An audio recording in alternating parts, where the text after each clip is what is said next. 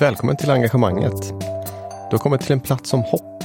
I en värld av katastrofer, pandemier, krig, fattigdom och allt annat elände finns det trots allt massor av positiva krafter. Människor som vill göra gott för andra, för ett samhälle som håller ihop. Här får du höra om deras drivkrafter, tvivel, framgångar, motgångar och drömmar. Deras story helt enkelt. Jag vill att de här samtalen ska ge dig tillförsikt i framtiden. Att du inte själv i ditt värv och vilja att skapa en bättre värld för oss alla. Min vision är att det här ska vara något slags poddarnas hoppets hamn. Genom dessa berättelser kanske det till och med växer en gnista hos dig kring något du vill förändra och att du känner att det faktiskt är möjligt att ta saken i egna händer. I dagens avsnitt träffar du Bledar Suta, eller Bledi som han kallas. Bledi är kollega till mig i Malmö stad och jobbar som lokal områdeskoordinator för Community Stat Care, CTC. Vad är det då, tänker du? Ja, vi återkommer till det i samtalet. Men helt inledningsvis kan vi sammanfatta det som ett system för att skapa goda och trygga uppväxtvillkor för unga i Malmö. Ett långsiktigt förebyggande arbete för att få barn och unga på rätt väg i livet kan man säga. Och är det någon som passar för detta så är det Bledi. Det är få personer jag träffat i Malmö som har ett så fundamentalt engagemang för sin stad, för barn och unga och i synnerhet för sitt område, Hermodsdal. Jag tror inte att det är en överdrift att säga att Bledi är älskad i de sammanhang han befinner sig, både bland barn och vuxna. För att han alltid ser det goda i människan och potentialen i var och en av oss. Så enkelt men ändå så svårt. Jag är nyfiken på hans bakgrund, hans drivkrafter, sin inställning till livet och mål.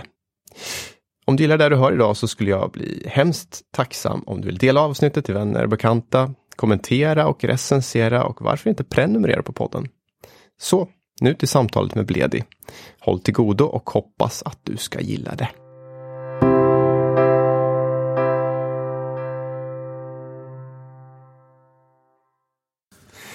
Du, det är en grej, eh, Bledi, här som jag måste fråga, som jag tänkte på när jag cyklade hit. Mm. Och det är, hur överlever man en skånsk vinter egentligen? Du som Malmöbo, du måste svara mig på det här nu, för nu har jag bott här i 16 år. Och jag känner fortfarande att det är rätt jobbigt alltså när man åker ut på morgonen och det är mörkt och det är regnigt. Det är jätte... Det, jag, jag önskar jag kunde svara på den frågan. Det, det, känns som att man, oavsett hur man klär sig, det är alltid fel klädsel.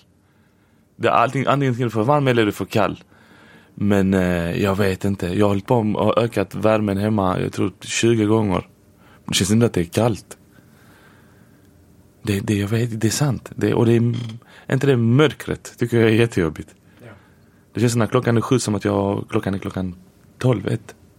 Ja, det här är den här skånska vintern. Jag kommer inte härifrån mm. från början. Men nu har jag ju bott här länge så jag borde ju ha vant mig på något sätt. Men jag känner att varje januari, nej, det är tungt alltså.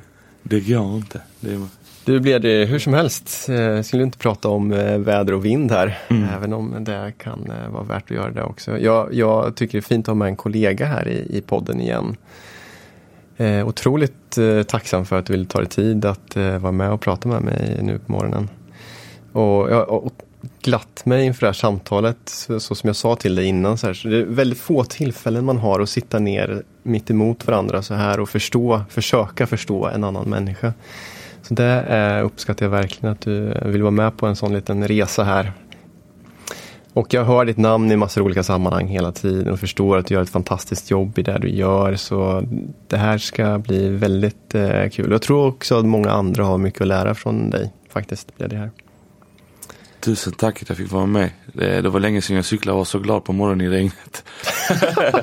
Sen när jag fick ditt eh, mail under semestern, jag tror du är den enda jag svarat på. Alltså. ja, eh, nu ska jag inte säga det högt. Eh, men, det var en bra betyg. Ja, för jag har faktiskt följt på den och jag tycker det är fantastiskt att vi har detta. Att mm. det finns. Och du har hittat rätt person så jag är extra glad. Det gör mig generad här. Jag har svårt att ta emot sånt.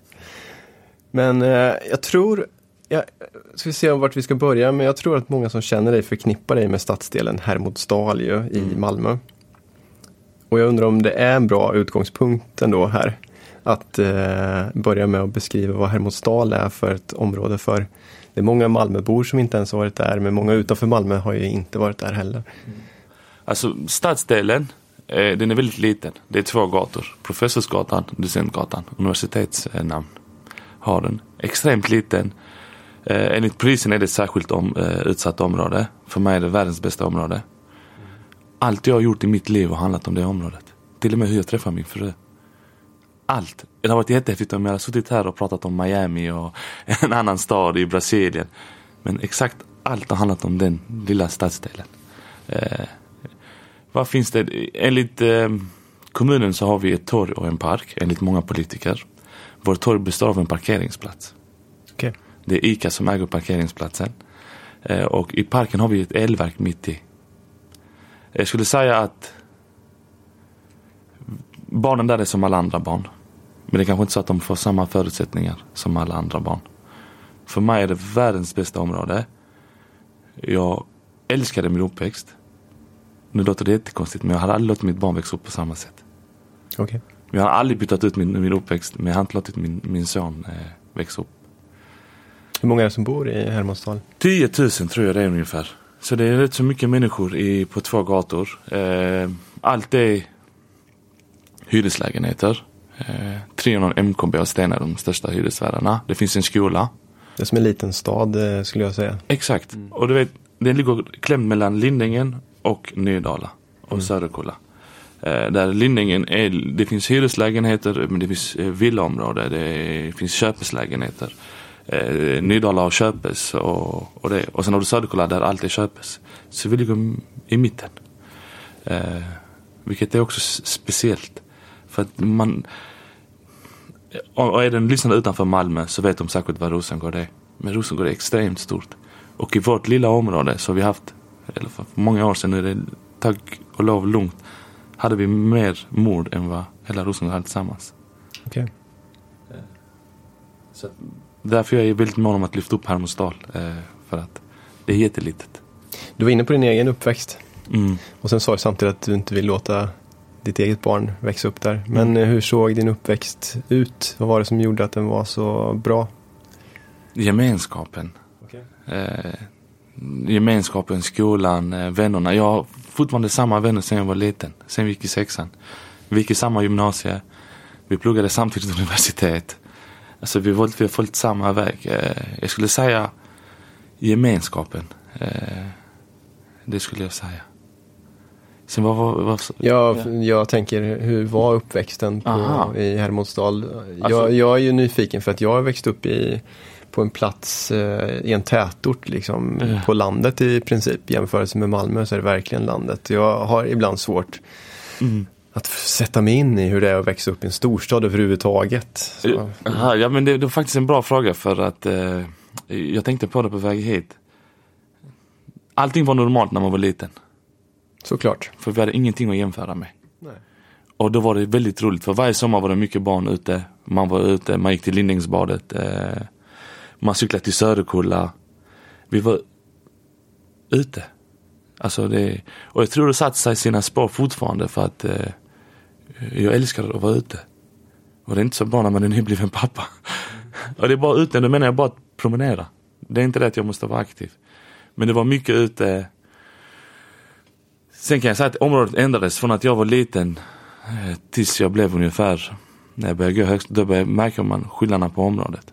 Från att eh, det kanske var lika problematiskt, kanske inte jag såg det som barn, men ju äldre jag blev ju mer tuffare det blev. När du såg skillnaden mellan olika områden menar du då? Eller? Ja, alltså det, när, vi, när jag växte upp, fram tills jag var, jag skulle säga 25 var min dröm att bo i Söderkulla, för det var grönt. Mhm. Och det, det la bara över. Tänkte att det finns Västra Hamnen, det finns eh, centrala Malmö. M- Men det var det jag visste. Att Söderkulla var där jag ville bo för att det var så bra. Och vad är det som gör att du inte vill att ditt eget barn ska växa upp på Hermodsdal nu då? För jag tror inte mitt barn kanske hade fått samma förutsättningar. Och jag tror inte mitt barn kanske har samma, kommer få samma verktygslåda som jag hade. Jag, hade, jag fick ju eh, en verktygslåda för att man lärde sig. Vart fick du den ifrån? Området. Det, det, Kompisar eller? kompisar, eh, händelser i området, vet, det formar en. Och det var det som gjorde också att man blir, jag är den jag är för att jag har vuxit upp där. Eh, och, och jag skyldig det området allt. Men jag tror inte mitt barn kommer ha samma. För mitt barn kommer växa upp. Nu bor vi i hus. Har ett eget rum. Eh, kommer ha möjligheter till mycket materiella saker. Kommer ta kanske samma driv. Eh, och jag tror inte den klarar av kanske det, miljön i jag, tror inte, jag hoppas men jag tror inte, jag tror det kommer vara tufft för honom att växa upp i ett område som Almsdal. Du skämmer bort honom för mycket kanske? Det, det är det jag gör. Jag, jag tror jag köper, jag köper leksaker varje vecka men jag tror jag köper till mig själv. För det är typ så, han är åtta månader men det är typ så femåringar, robotar och sånt. Det är för att jag själv har velat ha det. Blir barn igen. Exakt, det är det bästa. Jag läste någonstans också att du var lite strulig när du växte upp. Ja, ja. Sen fick jag aldrig någon riktig förklaring på vad det innebar. Det finns ju olika nivåer av strulighet kan man ju säga. Jag hade svårt att sitta still. Men det kommer också märka att jag, jag rör mig. Okej, eh. Okay, okay. eh, jag hade svårt att sitta still och jag hade svårt att jag hade svårt att koncentrera mig. I skolan? Eh, I skolan. Men då tror jag på den tiden var inte det lika det var inte lika vanligt som nu att kanske få en diagnos. Utan det var bara att ja, du kan inte sitta still och han har svårt och Eh, så man tänkte att felet var på en själv. Har du fått en diagnos i vuxen ålder eller? Jag tror jag har ADHD, jag skulle säga. Alltså jag har fått det av olika människor men jag har inte haft, det konstiga, jag har inte haft tiden och eh, vad heter det, och undersöka det men eh, som du säger, jag har jättesvårt att jag har svårt att sitta still. Och det, det var det att eh, jag, jag hade jättesvårt att sitta eh, still. Eh, nu när jag tänker efter, du vet varje föräldramöte mina föräldrar kom på, det var samma. Han kan inte sitta still. Mm -hmm. Han kan inte sitta still. Eh, och det medför också att när det blir högläsning eller det blir det, då vill jag vara störig. För att tills det skulle komma till mig, då tyckte jag det var jättejobbigt. Så att jag gjorde något i förväg för att kanske antingen bli utslängd eller bara för att slippa det. Skolan är ju uppbyggd på det här sättet att mm. eh, egentligen Ja, om man ska vara lite kritisk mot skolan generellt sett så är den ju väldigt ensformad. Den mm. passar en liten del av eleverna egentligen. Alltså de som klarar att sitta still. Mm. Så det är jättemånga som inte gör det och dessutom så mår man ju bättre av att röra på sig då och då. Exakt och forskning säger ju att när barn springer så är det för att de mår roligt. Vi vuxna springer oftast när vi är stressade. Mm. Vi ska vänta på bussen eller så vidare. Det jag märkte när jag jobbade i Halmstadsskolan är att barnen sprang till idrottshallen. Barnen sprang till matsalen. För det är något roligt. Ja, just det. Medan vi springer för att oj, nu kommer vår buss sen. Eller nu, oj, nu måste jag hinna till det mötet. Mm. Så vi kanske förknippar springa med, med stress och oreda medan de springer, förknippar det med roligt. Just det. Och det gynnade mig för att när vi hade aktiviteter och, och barnen sprang, då visste att de hade roligt. Det var ju väldigt så panikartat när alla bara satt ner och var knäpptysta. För så ser det inte ut i verkligheten. Det är som vi går på våra arbetsplatser. Någon, alltid, alltid, någon rör sig, någon sitter. Vi accepterar det som vuxna men när det är barn då har vi en tendens att nej, nu ska alla sitta ner. Nu ska jag prata. Ja, det passar inte alla. Det passar inte alla. Nej, och vissa kan inte hjälpa det och då är det, då är det så. Alla är olika. Vi accepterar det i, i, i arbetslivet. Eh, men vi kan inte acceptera att, att, att, alla barn är olika. För jag tror nu, det bara tror jag. Bara för att man själv har varit barn så tror man att man har svaren. Och jag tror det är där eh, problemet är i många fall. Ja. Istället för att fråga. När jag sökte på dig på nätet eh, blev det, mm. så kom det massor olika saker upp faktiskt. Och lite mm. radioklipp och lite mm. artiklar i Aftonbladet och så vidare. Men det var ju en sak som sticker ut här. Mm. Eh, och det är en händelse eh, som verkar ha varit en vändpunkt för dig och några av dina kompisar när du växte upp. Mm. Så det handlar ju om hur eh, anställda på fastighetsbolaget Stena, om jag har Helt förstått det rätt, hanterade ett, ett gäng, som de, som de sa, stökiga killar. Ja, det, det vill, vill, du liksom berätta den uh, storyn? Ja, jag kan berätta. Det är det som är bra, att det kommer kopplas tillbaka. det var så att det var en generation i Halmstad. Vi var, jag är född 88, så var det en generation som var 90. Eh, sen var det, generationen som var 90 var, det var väldigt många. Eh, jag tror de var mm, kanske två gånger större än generationen som var 89. Som var vi 88 år. Och vi 88 år, vi, vi, vi var mer inne i fotboll och i föreningslivet. Eller vissa av oss bara. Eh, så att det som hände att när vi gick ut nian så slutade många lärare och det började en ny rektor. Och jag hoppas den rektorn lyssnar på detta för då får man reflektera. Som hade en annan filosofi hur en skola ska styras. Och gjorde det tyvärr värre. Så att de som var 90 år, de fick för mycket makt i en skola. Så de gjorde exakt vad de ville, när de ville och hur de ville. Men det, det som är vanligt är att det som händer i skolan, det är bara en, en bild av vad som händer i området. Att det är en återspegling av eh, området menar du? Mm. Så det som händer i området kommer aut- automatiskt komma in i skolan. Och det vi inte pratar om i skolan kommer automatiskt komma ut i området. Så det som händer är att de började sen i området. Då gjorde de massa saker som inte man ska göra. Nu pratar vi om barn som eh, sålde droger, eh, som slogs och rå. De gjorde allt möjligt. Sen gick de på Stenas vaktmästare vid flera tillfällen. Men ett tillfälle gick de på honom ordentligt i en källare. Så de slutade ner honom med en eh, brandsläckare och så. Så istället för att Stena, vilket var smart, skulle polisanmäla dem. Så gick de till skolan. Och sa, eh, vi vill få kontakt med de här. Så då bjöd de här eh, pojkarna till ett eh, möte. Och i det mötet så spårade det ur. Tänkte Stena, okej men finns det något annat sätt? Så gick de och kontaktade läraren igen. Och så valde han, vi var 20, valde han från området som han tänkte, de här kan göra skillnad. Och det var det som räddade mig, för jag var en av dem. Ja okej, men du var inte en av de killarna som eh, Nej. hade sprutat ner honom med, Nej, med brandsläckaren där? Nej. Nej, äh, nej. Och det är jag tacksam för.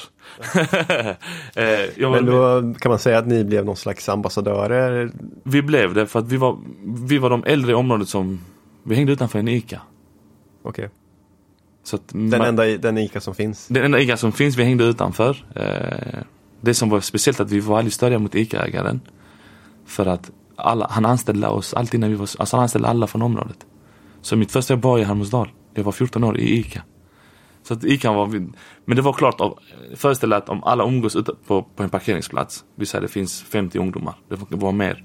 Det finns alltid 20-30 som håller på med fel saker. Sen är det väldigt svårt för, för personer att urskilja vem som gör vad. Vi är klädda likadana, vi ser nästan likadana ut. Så de han var, den läraren valde 20 och jag hade, ska jag vara ärlig, jag hade ingen tanke av att hjälpa till. Det hade jag inte. Jag, vi blev valda och av respekt för läraren så gick vi på möten med Stena. Och då, hur gammal var du då? Jag hade precis börjat gymnasiet. Okej. Så att vi blev inbjudna till möte med Stena och eh, först med Stena. Som, det som var speciellt är att han var den första vuxna som lyssnade. Det var hans fel att allting sattes igång. För han lyssnade på oss. Vi var där, vi, konstiga var, vi var jättestöriga. Med att vi gjorde det jättejobbigt för dem. Men vi gick dit varje fredag i tid. På något konstigt, vi var jättejobbiga mot dem. Men vi gick alltid dit i tid. 20 stycken. Och vi, varje möte vi var på, vi vi åt kakorna och vi var högljudda. Och, eh, men han, han kastade aldrig ut oss. Utan han bara lyssnade. Och ju, ju mer han lyssnade, ju mer förstod vi att han här vill väl. Han kom inte ge upp. Han kom inte upp. Och för att innan han hade vi träffat jättemånga som hade kommit och lovat massa saker och, och eh, använt oss i massa projekt. Som jag nu, därför jag menar, jag har inte låtit min son växa upp på grund av att jag har inte låtit han gå igenom det jag gick igenom. Eh, och se det kanske man har sett. Eh, så vi, så vi litar inte på vuxna. Och så kommer han och nu försöker han. Så sa han att eh, om ni hjäl- hjälper till att göra det lugnare i området så lovar jag att jag ger 10 sommarjobb från Stena och tio från kommunen. Så han kopplade på kommunen. Och det som hände var att han satt och oss pratade. Och nu hade vi en tjänsteman där. Och en tjänsteman i ett område som Halmsdal, det är sista bossen i Mortal Kombat. Det är de starkaste. För att de kan påverka hela ditt liv. En tjänsteman kan komma in i en skola och ha en filosofi, förstöra eh, 500 barns liv. En tjänsteman kan ta ett beslut att göra om, ta bort din fotbollsplan. Tjänstemän. Och de har inte vi valt. Men nu fick vi en framför oss. Och nu blir laddade. Så vi bara ut allt vi hade. Okej. Eh, men fördelen var att vi hade stenar bakom oss. Och när de var tvungna att lyssna. Vi fick sommarjobb. Det var det första sommarjobbet. För att innan det så var det, problemet var att vi sökte alltid sommarjobb men vi fick aldrig. Men vi fick se andra barn komma och jobba i vårt område. Som kom utifrån? Ja, Utifrån. okej. Mm. Och vi sökte och vi ville men vi kom aldrig dit. Så de här orättvisorna som finns där ute och som har skapats. Det är faktiskt vuxna som har gjort det. För vi tänkte alltså, vi blev vana, man blir van till slut att ja, men jag, jag kommer inte få sommarjobb. Men så ser du kanske en klasskamrat i gymnasiet som fått i ditt område. Tänker du hur, hur fick han eller hon? Men jag fick inte.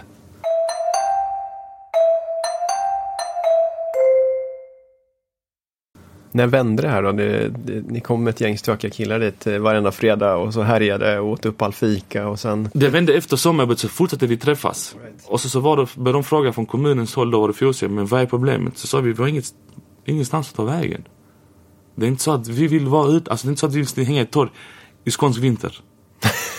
På tal om det. Ja, alltså vi vill inte stå där på, en vinter och då eh, började då de pratade om att ja, vi ska skissa upp, ett projekt där ni ska få en jättestor mötesplats. Och då sa vi, vi, vi var små, det jag tänker på, speciellt att vi sa till dem att alltså, det måste vara strukturerat.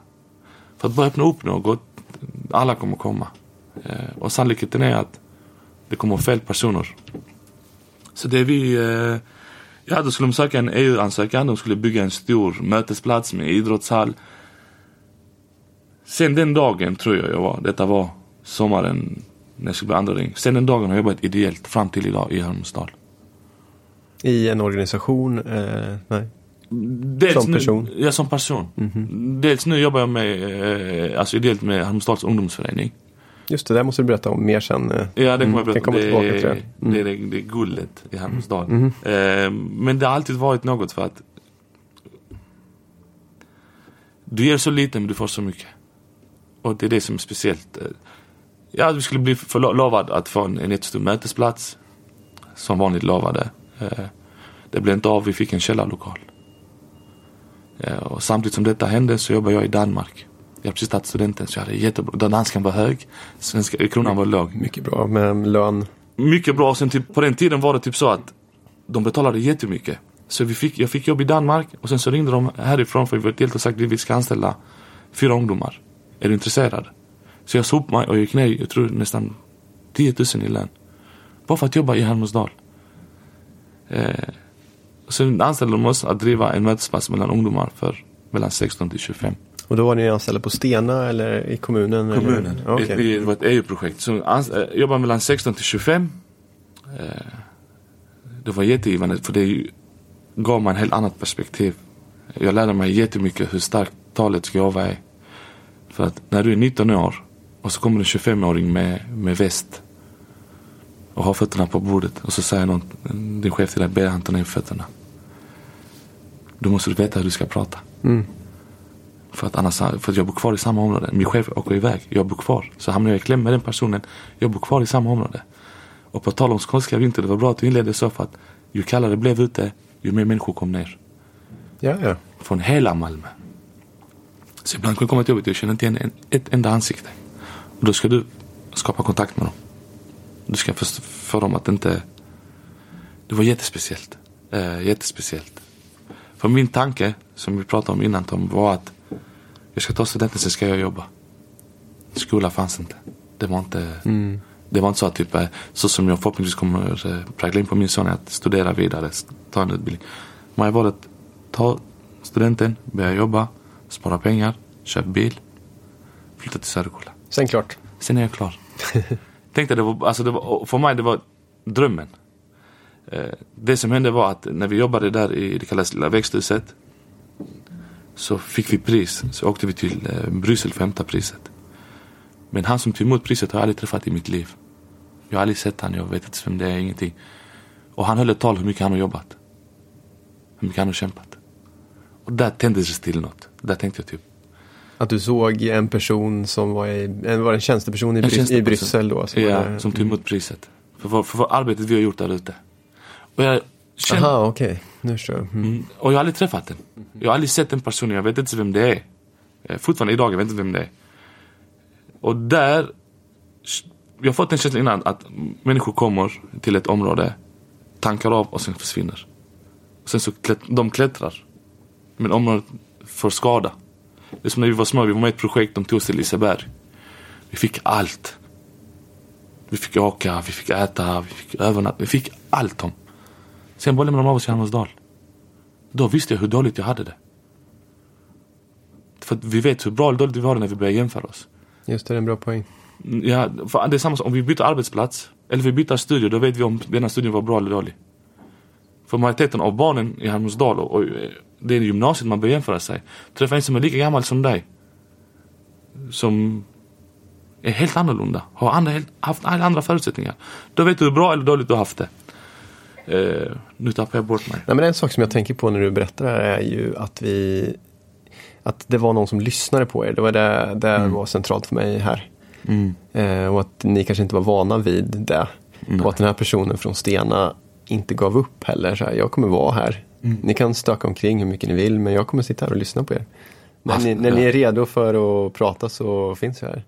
Det... Är det rätt tolkning ungefär? Helt var, det som, var det där liksom som var vändpunkten där på något sätt? Det var det, att han lyssnade, han gav inte mm. upp och att han hade hög position. Just det. För vi tänkte varför ska han lyssna på oss? Han kan allt. Vi har alltid blivit pratade neråt. Nu kom det en som sa till mig, ja, men du vet. Jag vet inte, du vet. Och det ger en jättestor kraft. Och, och vi fick ett bostadsbolag sen, fanns inte bakom oss. Alltså vi hade gjort allting gratis. De hade behövt göra sommarjobb. Aldrig. Bara för att han lyssnade. Just det. Hade gjort att vi hade gjort allt för honom. Alltså bokstavligt allt för honom. Genom att lyssna. Och det är det jag har använt i mitt arbete. Det är det du gör nu? Det är det jag gör nu. Mm. Och det är det som varit räddningen för att när jag lyssnar så får jag ofta svaren. När jag berättar ett problem för dig så säger jag också svaret i problemet. Så det, det var jättestarkt av honom för att han kunde gjort det helt annorlunda. Han kunde polisanmält de här ungdomarna och försvarat det för Halmstadsdal. Och då tror jag jag tror inte han jag tror inte det har varit stor skillnad mellan det som hände i Rinkeby och det som, och, och, och det som har hänt i Halmstad. Eh, för det, det, är exakt samma saker som, jag läser nu den tills alla dör. Och när jag läser den typ, jag tänker oj, detta hände också i Halmstad. Detta hände också i Halmstad. Eh, du menar boken med Nicolas Lundaberg? Nej, nej Diamant Salio. Jaha, okay. Han beskriver Rinkeby-konflikten. Mm. Så beskriver vad som hände innan i området. Typ med att eh, det försvann massa eh, tjänstemän och så. Det jag kan säga att Hammarsdal eh, fram tills Allaktivhuset startade, det fanns ingen annan verksamhet. Kommunal verksamhet förutom skolan. Vet du en sak som jag är väldigt nyfiken på mm. som jag försökte att om jag jämför mig själv då och min egen uppväxt med din uppväxt kan jag ju inte göra fullt ut för jag vet inte allting. Mm. Även om vi pratar om det nu. Så är det att jag kommer från en liten ort där det var ungefär 3000 som bodde där ungefär. Vet, jag har inte varit tillbaka där på ett, jag har inte varit i orten på ett par år nu. Mm.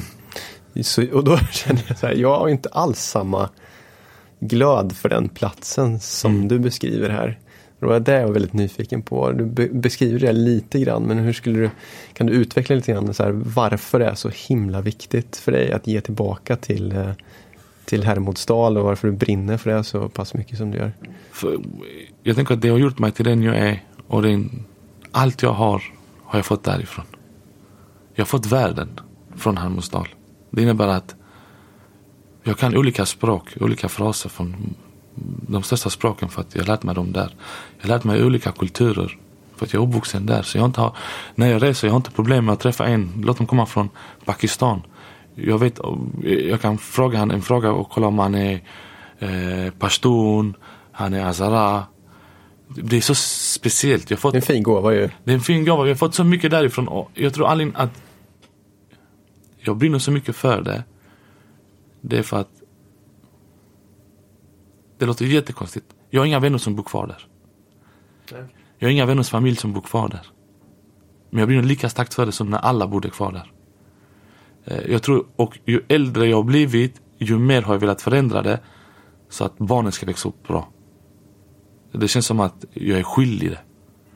Kanske för att jag har något eh, lilla syskon kanske. Det, jag, jag, jag är inte yngst i familjen. Eh, jag vet inte för jag, tänkt, jag har fått den frågan innan jag, jag, jag vet inte. Det, det känns som att det går inte en dag i veckan jag inte går dit. Jag, jag tror inte det har gått. Bara när jag varit utomlands. Vad känner du, när, vad känner du liksom i kroppen när du kommer till eh, Hermodsdal? Kan man ställa en sån fråga? Ja, jag är fri. Kan du liksom sänka axlarna? Allt, är fri. Även om, om, om det har varit tider där det varit exempelvis kanske farligt att vara ute. Men jag har aldrig upplevt det. Jag, det finns inget ställe jag känner mig mer trygg i. När alla vi syskon flyttade ut hemifrån så valde jag att mina föräldrar skulle bo nära Hermodsdal för jag tyckte det var tryggast. Och just då hände det mest i Hermodsdal. Men det kan vara tryggt på ett annat sätt också då, tänker jag. Att det inte bara handlar om där det händer massor extraordinära händelser, alltså det, om det är skjutningar eller mm. vad det nu är du tänker på. Så, så Du beskrev ju en annan sak inledningsvis här, gemenskapen. Mm. Så gemenskapen och kontakten med andra som bor där skapar ju en känsla av en trygghet och en samhörighet och allt det där. Som man kanske inte får i en annan stadsdel som egentligen är tryggare. Det, ja, det, det tror jag också. Men jag tror också att alla i det området vi är. Alla är lika rika, alla är lika fattiga. Vi alla är samma. Fast vi kommer från alla delar av världen. Så jag tror vi att vi alla är samma. Och jag tror att eh, du kan placera mig i, i en annan stadsdel uppe i Stockholm eller i Uppsala. Eh, Jag hade kunnat känna igen mig för att det skiljer sig inte så mycket. Ja, just det. Så att när jag varit utomlands och jag träffat kanske någon från förut i Göteborg. Det, det, vi har jättemycket saker gemensamt. För att det, är- det, är typ, det, det, det är samma. Det, är det, det är en speciell känsla bara att promenera. Eh, jag var där i morse innan jag kom hit. Eller möte. Eh, det är bara typ så man, man är fri. Och nu speciellt när jag ser de här förändringarna som hänt i området. Det gör en ett lugn för att nu kan jag ta eh, ett steg tillbaka. Och tänka typ okej nu, har, nu är den i goda händer. Nu vet jag att det finns Röda Korset, det finns Andersdags ungdomsförening, det finns ett alla aktivitetshus. Eh, samarbetar. Eh, ingen kan hålla på med barnen. Alltså det är inte så att det kan, det kan ett projekt som kan inte bara placera sig där. Utan det måste gå igenom ett nätverk som vi har byggt. Och ser vi att det är skadligt, ja då kan vi sätta stopp. Ska vi komma in på det också? Blev det, för du jobbar ju fortfarande i Hermodsdal fast i, en, i ett annat eh, jobb kan man ju säga. Även om jag tror att du kanske gör lite av det du gjort tidigare. Ja.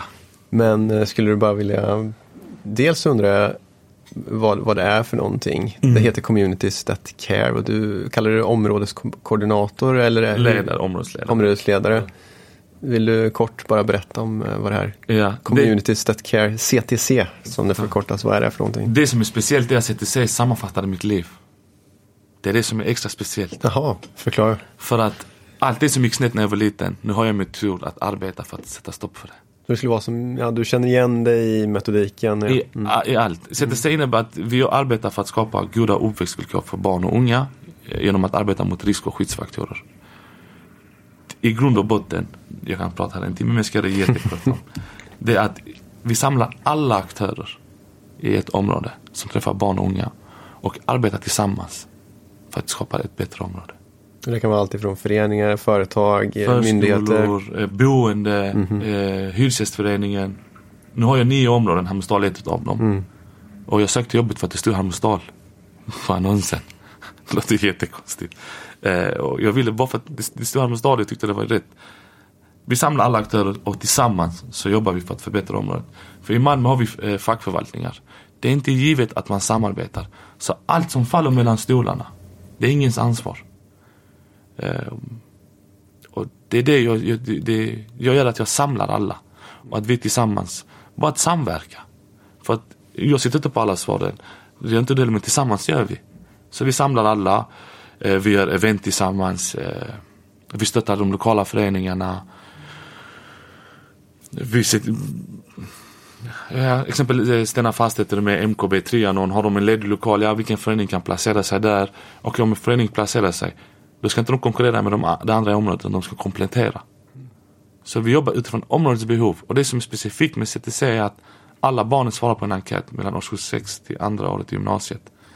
Så att de be- beskriver hur det är att växa upp, hur det är i familjen, hur det är med att du är i skolan. Så de är oss verklighetsbilden. Just det, sen jobbar ni efter det Efter det. behovet som finns. Mm. Och det som är skönt är att jag har det på papper. För att innan eh, Tom så var det att jag såg det och jag upplevde det och jag sa det. Det är aldrig lika starkt som när jag har det på papper. Så nu har jag fått en, en superkraft. Ser du samma sak eller har du sett några nya saker då? I och med att man har gjort de här eh, enkäterna. Ja, det, det jag tycker är bra är att eh, vi ser också, vi ser också problembeteendena. Och vi ser att eh, flickorna i området sticker ju ut i flera problembeteenden. Som vadå? eh, skolk, våld. Eh, tyvärr är det så att i skolans värld så får inte de lika mycket uppmärksamhet som en, en, en, en, eh, kanske en pojke. Så de slinker undan systemet lite. Och det är synd för att nu kan vi rikta in oss, att nu när vi ser det, då kan vi jobba för det. För jag intervjuade eh, gamla elever på skolan som hade skolkat och så frågade jag dem. Och det sorgliga var att jag förstod dem men jag också uppmanade dem till skolk. Nu kanske inte jag ska säga det högt men när de börjar gymnasiet så är det många för dem första gången de är i stan. Det är första gången de behöver inte hämta småsyskon. Det är första gången de är fria. Och sen när de berättar detta här till dig så ska du säga till dem, men så att okej, okay, du vet, ni kan skolka men överdriv inte. Typ, typ njut men och det är sorgligt för att tänk att vara första gången komma till stan när du är 16 år. Då är det något som, då kan inte man säga att alla barn har samma förutsättningar. Eh, och då, det är att vi kan säga att flickorna kan identifiera och så jobbar vi. Det som också är speciellt med CTC är att det spelar ingen roll vilket kön, vilken religion, vilken bakgrund du har. Utsätts du för samma riskfaktor så får du samma problembeteende. Och det är bra, för i dagens samhälle så pratar vi mycket om att vissa personer med viss bakgrund automatiskt har de det här utfallet. Här spelar det ingen roll om ett barn i, i, i Limhamn eller ett barn i New York eller Hammarsdal utsätts de för samma riskfaktor, då kommer de få samma problembeteende. Och att vi jobbar förebyggande. Och det är det jag älskar mest. För att man är så van att eh, det är en liten grupp i samhället som orsakar jättemycket problem. Det finns en sån stor, extremt stor grupp som sköter sig dagligen. Men vi får så fokus på den lilla gruppen att vi sätter allt där uppe. Allt för dem. Men det finns ett barn som varje dag kämpar för att hitta ett jobb. Varje dag vaknar för att gå till Arbetsförmedlingen. Varje dag som eh, jobbar kanske natt. Men du får inte samma möjligheter som en som har valt fel väg. Just det. Du, du sa att du sökte jobbet eh, för att det var lite skämtsamt kanske för att det stod Hermodsdal i beskrivningen. Men eh, någonstans så, så funderar jag på vad de erfarenheterna har betytt för dig då. Att ha vuxit upp där och sen kunna Mm. Om man ställer frågan så här, vad är det viktigaste du har lärt dig utifrån alla år du har varit på Hermodsdal? Så som du kan använda i arbetet nu. Om jag bara får kombinera den frågan med det... en övergång till det här. Som jag också läste någonstans att du har sagt så här att vi som jobbar här och då tror jag var i det här allaktivitetshuset mm. tror jag. Eh, vi, vi vet hur eh, människorna här tänker. Mm. För vi har själva växt upp här. Och då funderar jag, så, ja men hur tänker man här? Mm. Tänker man annorlunda här än på något annat ställe? Vad är det som är utmärkande? Hänger du med på? Eh, det, ja, det är bra. Det jag har lärt mig från området är att lyssna. Mm. Jag har lärt mig att alla, alla, alla vill.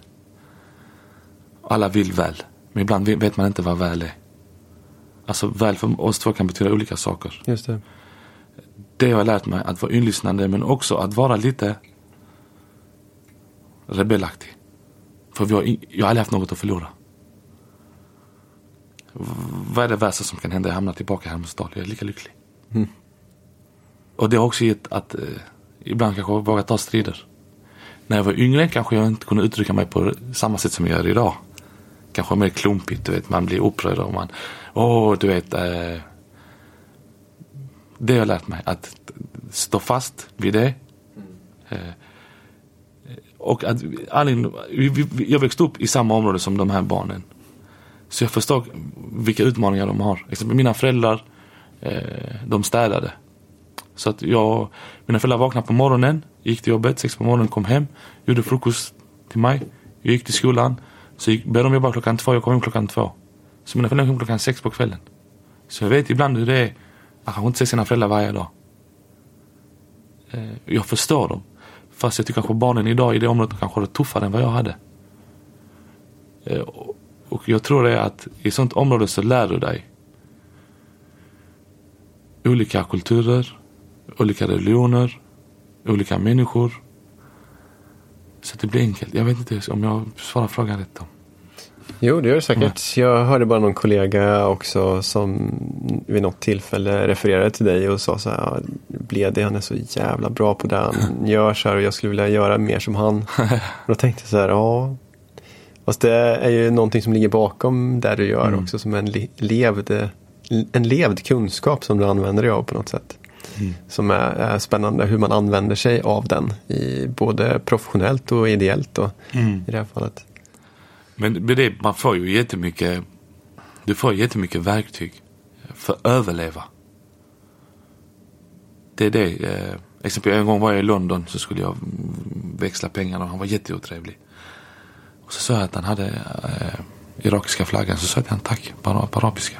Tack, tack farbror sa jag. Åh, du får en fin dag. Så kollade han på mig. Så han kom, kom, kom. Så han kan arabiska. Stann lite. Så sa han, var kommer du ifrån? Så jag är alban. Så han, hur kan du det? Så berättade jag att jag har vänner. Så han kom, så han växlade pengarna. Plus han gav mig pengar till bussen. eh, och, och, det, detta är också mer konstigt att min största rädsla i livet har inte varit en kriminell eller eh, en farlig individ. En som har ett stort våldskapital. Det var tjänstemän. Utveckla lite. För de kunde ändra mitt liv. Alltså en kriminell, om han skadar mig, han skadar mig. Men du måste också komma igen i hans bana för han ska skada mig. Jag måste störa och jag måste så. Eh, och, vara, och vara jobbig. Fast jag gör det. Det är inte så att jag jobbar med förebyggande. Jag jobbar med att inte ungdomar ska gå fel håll. Jag har jobbat med att eh, ändra om närmiljön för att inte de ska kunna eh, sälja droger. Jag stör dem varje dag. Men en tjänsteman kan ta ett beslut som jag aldrig har träffat som kan påverka allt. Ja, just det. Precis. De kan ju exempelvis göra att eh, när jag bodde där, de kunde bara ta ett beslut att men nu ska ni gå i en annan skola. Eller när jag jobbade och jag försökte förändra Hermodsdalen, så vilket jag gör idag, ja men de placerar om mig. Vad ska jag göra? Eller typ att eh, Ja, de försöker hitta något. För att jag vet inte, det är en tjänsteman. Men på något sätt känns det, när du berättar det här Blede, så känns det som att dina primära uppdragsgivare är egentligen barnen du jobbar med. Ja. Eller hur? Ja. Och det är att, du, att det är de som är i fokus. Du bryr dig inte så mycket om vad en, en nu, nu kommer det här låta fel, men alltså det är klart att du bryr dig om vad din chef säger. Men alltså Ja. att, eh, och, och det är jag nyfiken på vad de barnen, vad, vad tror du att de barnen, 15-åriga killarna och tjejerna i skolan eh, till exempel, de skulle säga om jag frågar dem så här. Alltså, känner, känner ni Bledig? Vad tycker ni, vad tycker ni om Bledig? jag, jag, hoppas de säger bra, det tror jag också. Jag tror alla, jag tror alla av dem vet vem jag är. Eh, Det är speciellt också. det är jättespeciellt och anledningen varför det är speciellt är att, att jag vara tjänsteman innebär att serva medborgarna. Det är det tror många tjänstemän glömmer bort. Och det är det jag gör. Jag frågar. Jag frågar, jag får svaren och jag försöker göra det så snabbt som möjligt. Eh, och jag tror barnen typ, de vet om, för jag kan få samtal, jättekonstiga samtal från boende. Eh, oftast är jag snabbare än Sydsvenskan om något händer i området. Vad ringer de till dig? Alltså nu, när det, alltid när det är nyår, jag får samtal en vecka, två veckor innan om att det är skottlossningar, men det är nyårsraketer. Eh, sen tror jag också att det som gjorde mig extra rörd var en gång där de, de fick skriva vad de ville bli, så hade typ så fem i en klass skrivit vi vill bli som Lady. Men ingen vet vad jag gör. Nej, nej, okej. de hade skrivit vi vill bli som han. Och vad är det då de sätter fingret på tror du? Att de vill hjälpa till i området. De vill göra det. Eh, Fin kraft ju. Det är jättefint. Men jag tänker att jag vill att de ska... Jag är fast i Halmstadsdal. Jag vill att de ska ta världen. Ja, just det. Det är jag, jag gör allt där för att de ska ta sig därifrån. Så jag jobbar emot mig själv. Jag vill att de ska ta över världen för att när jag var liten, som, som, som jag berättade, Sörkulla Söderkulla var det bästa. Eh, jag ville ska jobba i ett lager. För det var det jag visste. Och som barn, du ska sikta högt. Men då är det skyldigt att vi vuxna informerar dem också. Ge dem kunskap. Ju mer du kan, ju större drömmar har du. Ju större drömmar har du, ju längre kommer du. Ja, du kan inte föreställa oss en färg som inte finns. Hur ska de då föreställa sig en utbildning som ingen har sagt till dem? Det går inte. Nej, jag läste det här på tal om det du säger att du vill att de ska ta över världen. Så, du, Ja. så, så läste jag det här på LinkedIn tror jag.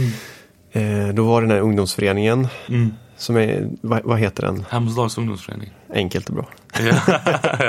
Eh, du skrev så här att jag, sen jag var liten så har min dröm varit att barnen från Hermodsdal ska ta över världen. Mm. Det, och det är min dröm fortfarande. Eh, jag berättade tidigare att jag brukar, ibland när jag har en lucka, jag brukar sätta mig i universitetet. Det är också en taktik för att se hur många jag, jag ser från Hermodsdal. Som du känner sedan tidigare menar du? då? Ja, Mm. för att se. För då kan jag använda dem som ett exempel när jag pratar med barnen. Det är därför jag sätter mig där. Det är förebilder. Jag är förebild för jag ska se var, var är de? Var tar de vägen? Eh, och om de går någonstans, till exempel LinkedIn, jag har kontakt med dem, okej det är bra där. Eh, jag, nu håller jag på med en, hur han ska löneförhandla. Eh, jag vill de ska ta över världen. Och det här Hammarstadals ungdomsförening, det är så speciellt för mig att eh, Berätta lite om den jag är nyfiken på, för Ja. jag, jag, jag kan ingenting i princip om, om den. Så. Men det, det, det är det som är bra, det är därför det, det, Ja. du kommer älska dem nu. Ja. Jag har alltid haft en ungdomsgrupp med i CTC. Det är för att jag har alltid haft kontakt med ungdomarna i Halmstadsdal. För att inte jag ska sväva iväg. i och med att jag jo- jag jobbar där, jag jobbar mer övergripande nu, så är risken att jag ibland tappar verkligheten. Så jag har alltid haft en ungdom som gick i sexan. Och idag är den äldsta 22 år. Det är samma personer. Samma personer. Så allt som ska göras i Halmsdal har jag alltid bollat med dem. Vad tycker ni? De bor där. Så när jag får svaren och, och andra tycker att det låter jättesmart, det är för att det är deras svar. Eh, jag, så det, det är det jag har gjort, att jag, jag har kopplat dem, jag har blivit deras röst mot kommunen. Jag förstår. Om någon ska, mm, det låter jättekonstigt, men om någon ska göra ett, eh, borra ett hål i Halmsdal så låt inte dem göra det förrän de pratar med boende. Så de här har jobbat jättemycket och jag har involverat dem. Och försökt koppla, för vi, i- Malmö stad har vi så mycket resurser som inte de får ta del av. Exempel sommarjobb och så vidare. Så allt som kommer till staden tar jag till dem. Sommarjobb och så. Sen så eh, fick den ena jobb. Eh, och så, så var jag i hans skola och presenterade CTC-resultaten. Och då satt han i publiken. Och så kom han ut och sa, Bledi, jag vill starta förening. Och när han sa det var den bästa dagen i mitt liv. Just det. För då tänkte jag, okej äntligen, det är där vi är. Nu är det de som bestämmer. Nu tar de över. Nu tar de över. Mm. Och det, de är mellan 16 till eh, 22. Ideellt 17 ledare. Arbetar varje helg. Har ungefär 400 besök. Eh, arbetar de med fotboll, eh, bakning, eh, basket, tjejgrupp. Allt är lokalt. Och sen är jag med en grupp med dem på WhatsApp så jag ser allt vad de skriver. Typ, själva de sköt, alltså de sköt typ, ja men nu går du in där. De har haft ett event, de bjöd eh, samtliga eh, eh, partier eh, inför valet. Alla sju partier bjöd dem. Och de hade ställt frågor till dem. De betedde sig bättre än vad vissa politiker gjorde. De, de var så duktiga, även om de provocerade. De skötte sig galant. Jag, jag var den som reagerade mest. Det är de jag ska prata med här också, tror De jag. borde du ha. De borde ha för att de gör det ideellt. Jag tänker om det, om det är mellan 16 till 22 år, det är då livet börjar, det roliga. Och så, och så frågar de, men hur kommer det sig, för jag gjorde det själv, hur kommer det sig att ni på en fredagkväll går och håller fotboll för andra barn? När, Ja. ni, när ni ska vara ute. Vad svarar de då? Men vi gör det för barnen. För nu blir de, alltså Det låter konstigt men du får en, en, en en Zlatan-känsla. Du blir Zlatan i ett område. Du blir Det är som när Zlatan om promenerar, alla flockas till han. Och den känslan, det handlar om hur du axlar den. Antingen blir du går upp över huvudet eller så ger det dig mer engagemang att verkligen typ göra ännu mer. Och jag tror de har fått den att när de går någonstans, alla barnen flockas till dem. Coolt. Och sen har ja, och sen det de har gjort speciellt är att de har krokat arm med alla aktörer. Alltså vi har kopplat dem. Och så skyddar jag dem.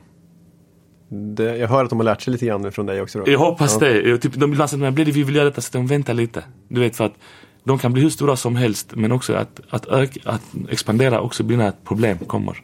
Och vi måste säkra för att nu är de eh, en eldsjäl som han, han slutar sin tjänst för att driva det. På heltid? På heltid, ja, ideellt. okej. Mm. Och risken är att han kommer att bli erbjuden en tjänst. Vi var på konferens i Stockholm tillsammans där de frågade om vill få jobb. Så att om jag förlorar han, då kanske det förleder. Så jag, vi försöker alltid stärka. Och jag har också Gustavo Som stöttar också. som stöttar. Så jag har min mentor med i arbetet. Så vi är flera. Det är jättemånga olika aktörer som eh, Röda Korset. Vi är jättemånga stenar som är jättemånga om det. Ja, fint. Nej, men det har jag att jag måste få med någon av dem här i, Ja. i ett samtal snart.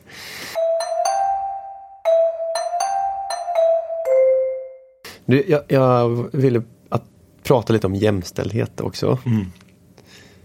För att för ett antal år sedan så fick du Malmö stads jämställdhetspris. Ja. Och det tyckte jag var så fint att du sa att ja, men det här jämför jag med om Zlatan skulle vinna Ballon d'Or. Det det finaste man kan vinna i, inom fotbollen då. Mm. Eh, hur, eh, varför var det så? Det finns inget finare pris att få. Nej. Alltså det, det, jag kan säga att det priset är för hela Halmstadsdal. Hade jag, hade jag, fick, hade jag fått, fått möjlighet att ta hit hela Halmstadsdal till eh, i Stortorget där jag tog emot den, jag tagit med alla. För att ibland så glömmer vi, du vet, vi hör eh, många framgångsrika personer som säger att de är tagit sig dit själv. Det stämmer inte. Jag kan ta Zlatan som exempel som jag haft som jättestor förebild. Den cykelbana han har cyklat på det är skattemedel. Den förening han har gått på det är skattemedel. Du kan inte bli något själv. Du blir tillsammans. Eh, och det var extra stort speciellt för att jag brinner för de här frågorna. Och när jag, när jag började jobba i Halmstad i alla aktivitetshuset så jag tror det var så som jag när jag växte upp. Tänkte jag hade den bilden att Halmstad är likadant. Då var det blandat.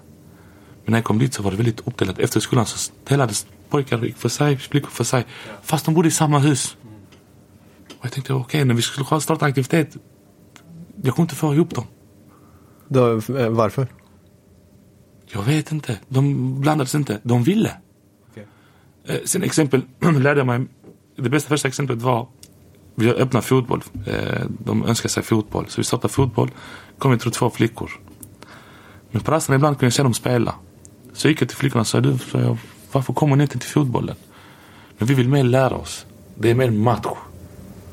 Så okej, okay, men om jag hämtar en tränare till er. Hade ni velat? Ja. Vi fick mer flickor som kom till fotbollen än, till, än pojkarnas. Och så tänkte jag bara, oj, var det så enkelt? Samma sak, samma sak när vi eh, hade kill och tjejgrupper. Tanken är inte att separera könen. Tanken är att stärka dem i varsitt och sen slå ihop dem.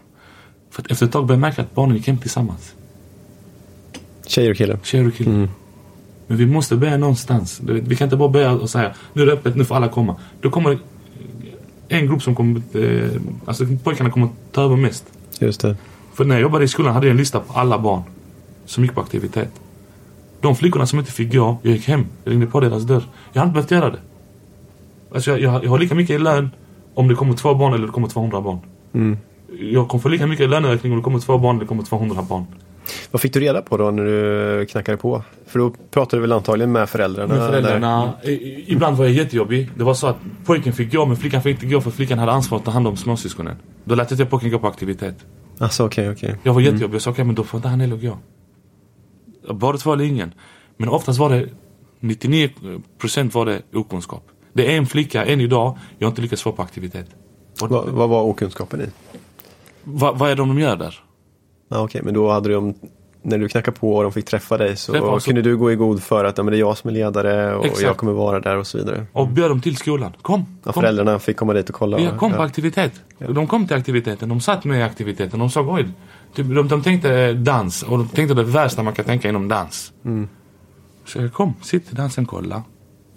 Finns det någon skillnad, blir det, tänker jag, från, det kanske är svårt att svara på, men finns det någon skillnad i i det här från ett annat eh, stadsområde. Om du skulle varit, nu bor väl du i Oxie yeah. nu va? Alltså om det hade varit i Oxie det hade, hade det varit någon skillnad liksom? Eller hade det varit samma problematik där? Jag tror i vissa fall ja, men jag tror inte den hade varit lika utbrett. Nej.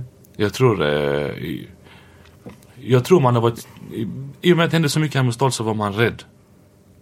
För att släppa ut barnen? För att släppa ut barnen. Mm. Och man var rädd kanske att flickorna skulle Alltså man var mer mån om dem. Såklart. Eh, det, det, det, och plus också att gillar du inte fotboll så finns det ingenting för dig att göra i Hermodsdal. Så att det var en vana att de skulle vara hemma. Det, var jätte, det låter jättekonstigt. Även de pojkarna som inte spelade fotboll, det var vana att de skulle vara hemma. För de som ville runt, det var de som hade sexuella problem. Mm. Så man höll dem. Ja, och det var så typ att det var det jag tyckte var konstigt att pojken fick gå men flickan fick inte gå. Varför? Alltså, för vad? Typ som att man var mån om att, att, att skydda flickan. Men pojken skulle klara sig. Och det gick inte ihop med min hjärna för jag sa att det är lyfter oftast upp argumentet men i skolan går de blandat. Ja det är sant. Typ vad, vad är skillnaden om... Alltså det var bara en förälder, jag ska säga att som inte gick med på det. Och de barnen som inte gick på aktivitet, det var de som gick redan i föreningar. Och jag stödde aldrig dem. För mm. då visste jag att de är på väg åt rätt håll. Hur ser det ut idag då? Nu har ju inte du kanske samma tid att eh, gå och knacka dörr lika mycket. Nej, men jag tror, de, jag tror nu, de, nu jag jobbar i sex år så jag tror det är så inarbetat i området att eh, alla skickar. De har, de har en, en tillit till eh, yeah. de här aktiviteterna som sker och så vidare. Exakt, mm. plus jobbar jag med föräldrarna också. Jag hade föräldrarna i aktivitet. Jag hade tre generationer. I Hermesdal i, i, samma byggnad. Så det, det blev att eh, det var väldigt enkelt för att jag visste det fanns, du vet, i, i, i hela Sverige så pratar vi om föreningslivet. Och att man ska vara aktiv i en förening och sånt. Det finns, konceptet finns i området men det kanske inte kallar sig föreningar. För att, att bli en förening ska du ha en adress. Sen, sen, men det finns, exempel vi hade mammor som, som träffades i 24-7 och drack kaffe. det roliga var jag sa alltid en mammagrupp gick till 24-7. Och så tänkte jag, alla de här tränar. Så jag gick och pratade med en av dem. Så sa jag, du sa jag vill ni så kan vi starta. Så vi startade träning i, i, i skolan. För dem. Men de ville inte träna, de ville bara prata. så det blev fikaklubb? Fikaklubb. Så vi startade typ att okej, okay, vad vill ni göra? Vi kom, ja, att sy. Okej, okay, men då startar vi en sykurs. Det vi glömmer bort, tyvärr som tjänsteman ibland, är att Människor vet och kan och de har kunskap. Vi hade exempel eh, föräldrar från Irak som eh, utbildade lärarinnor. Det är eldsjälar, samma som lärarna i Sverige. Men de får inte utöva det här. Så vad gjorde vi? Vi startade okay, arabisk undervisning. Kopplat till modersmålsläraren. För forskning, vissa kan du ditt modersmål så kommer du att klara svenskan enklare. Därför typ, jag går igång ibland när jag hör typ, på tv nu att man ska ta bort modersmål. När forskning säger tvärt emot. Så vad gjorde jag? Jag använde dem i skolan. Jag hade dem kopplat till modersmålsläraren. De var i skolans lokaler, deras barn gick i skolan. Jag behöver aldrig argumentera varför. Eh, vi hade al al ett albanskt band som gjorde musik. Vi hade allt området ville ha. Sen var det ju speciellt för att i början när jag kom dit och jag frågade vad de ville göra, fotboll, musik. Jag, och dans. Tänkte jag, finns, ja, vi har 2,1 miljoner i budget. Ni vill ha fotbollsmusik. Det var det de visste om. Och det var det. Just att öppna upp deras eh, föreställningsvärld där också. Att, att det finns andra saker som är möjligt att göra. Det är som Zlatan. Många har Zlatan som förebild, inklusive mig.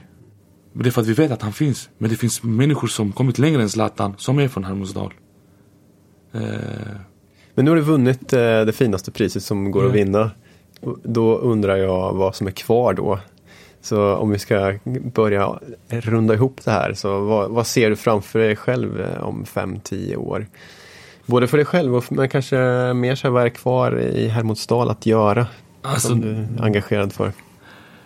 Oh, det är speciellt för nu just nu är jag jättemånga processer som är jätteintressanta. Jag är inne i en process med att eh, fånga av avhopp från gymnasiet. Okay. Jag är inne i en process där man ska samlas tillsammans för att ändra den kommunala platsen.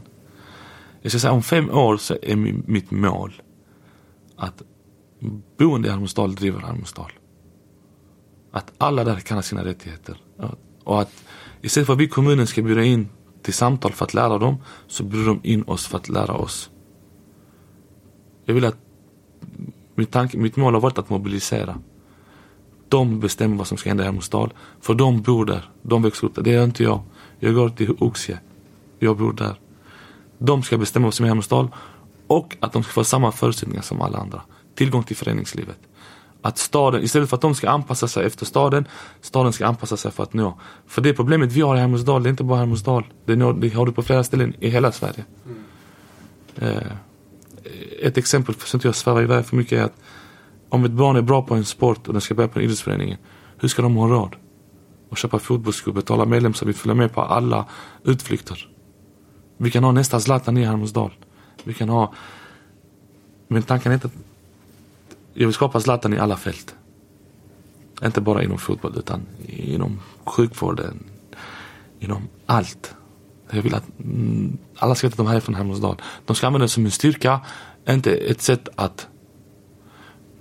Det var så här, när jag växte upp i Hermodsdal så, så hände det... Eh, är det okej okay? har vi tid om? Ja, ja visst. Ja, eh, när jag växte upp i Hermodsdal så skedde det ett mord på min gård. Eh, det var andra dagen i gymnasiet. Jag hade bra betyg så jag kom in i Borgar. Jag hade bra betyg för jag hade bra lärare. Som verkligen stimulerade mig till sk eh, skolan. Så jag kom in i Borgar. Och jag tror det var tredje, fjärde, fjärde dagen. Du vet, alla barnen var annorlunda. De kom från de rikare områdena, jag kom från Hermodsdal.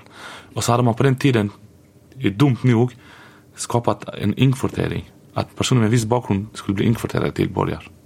För att skapa en blandning. Men vad händer om alla i din klass tänker att du blivit inkvoterad för att du har utländsk bakgrund? Det är en utsatt position.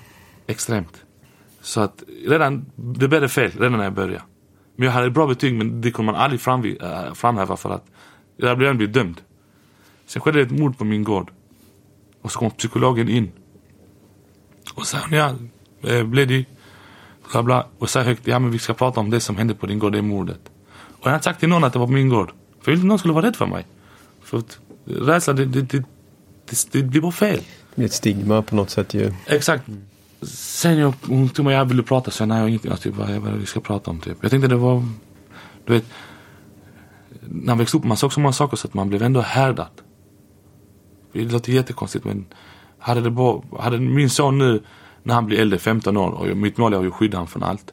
Sett något. Jag tror han har fått en jättestor chock. Men när du växte upp och det kommit sakta saker, saker, saker. Till sist, det, det, det, blir inte normalt men det blir en del av vardagen. Sen kom jag tillbaka efter det samtalet. Så var alla i klassen rädda. De var rädda för dig då? Jätterädda. För jag skulle fråga en kille om jag kunde få låna en penna från hans pennskriv. Han gav mig hela pennskrivet. Och då tänkte jag, oj, typ, jag vill inte vara här. Så vad gjorde jag? Jag promenerade och träffade mina vänner som gick i latinskolan. Där gick alla från Hermodsdal. Så när jag började där, det kändes jättevanligt. Ja, du började på latin sen? Ja, det var jätte, alltså det var typ, jag var hemma. Och det är jag vill inte att barnen från Hermodsdal ska använda Hermodsdal för att ingjuta rädsla i andra människor. Utan de ska använda det för att de ska vara stolta. Att när är från Hermodsdal så vet du, oj, han här kommer från ett jättestarkt område där de har kommit jättelångt. Exakt. Det är det som är målet. Så det har ett långsiktiga mål kanske på något sätt? Ja.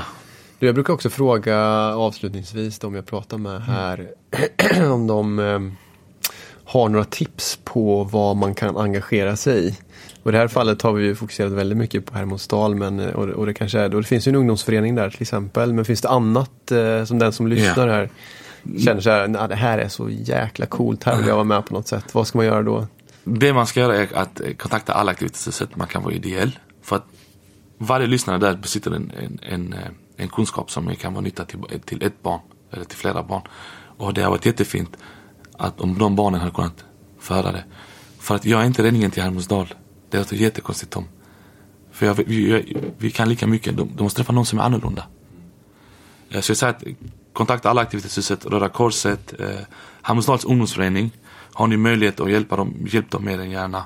Eh, hjälp dem mer än gärna. Och att komma ut dit, låt barnen sig träffa. Alltså kontakta mig, jag hjälper jättegärna till att träffa. För att, att man ska bygga broar mellan olika människor. För om de träffar dig Tom, kanske nästa vill komma hit och skapa en podd. Eh, och direkt, eh, det, det är något som de träffar mig, de tänker ja men det blir det gör. Men träffar de Tom och jag, Tom vi vill öppna en podd, vi vill starta en podd, vi vill göra detta. Då har vi skapat en ny dröm. Fina ord blev det. Det blir en bra avslutning tror jag. Jag är eh, återigen vill jag tacka för att du tog dig tid. Det är en stor ära att få prata med dig. Verkligen. Så tack för samtalet. Tack detsamma Tom, tusen tack.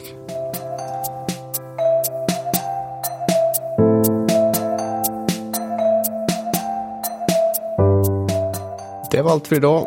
Tack för att du har lyssnat. Om du gillade det du hörde så skulle jag bli hemskt tacksam om du delade avsnittet vidare i ditt kontaktnät. Jag skulle också uppskatta om du vill recensera avsnittet, lämna en kommentar eller reflektion eller helt enkelt ge mig ett förslag på vem jag borde träffa härnäst i podden. Numera hittar du även engagemanget på Instagram där jag kommer att göra löpande uppdateringar om podden. Så håll utkik där. Allt gott och ta hand om dig.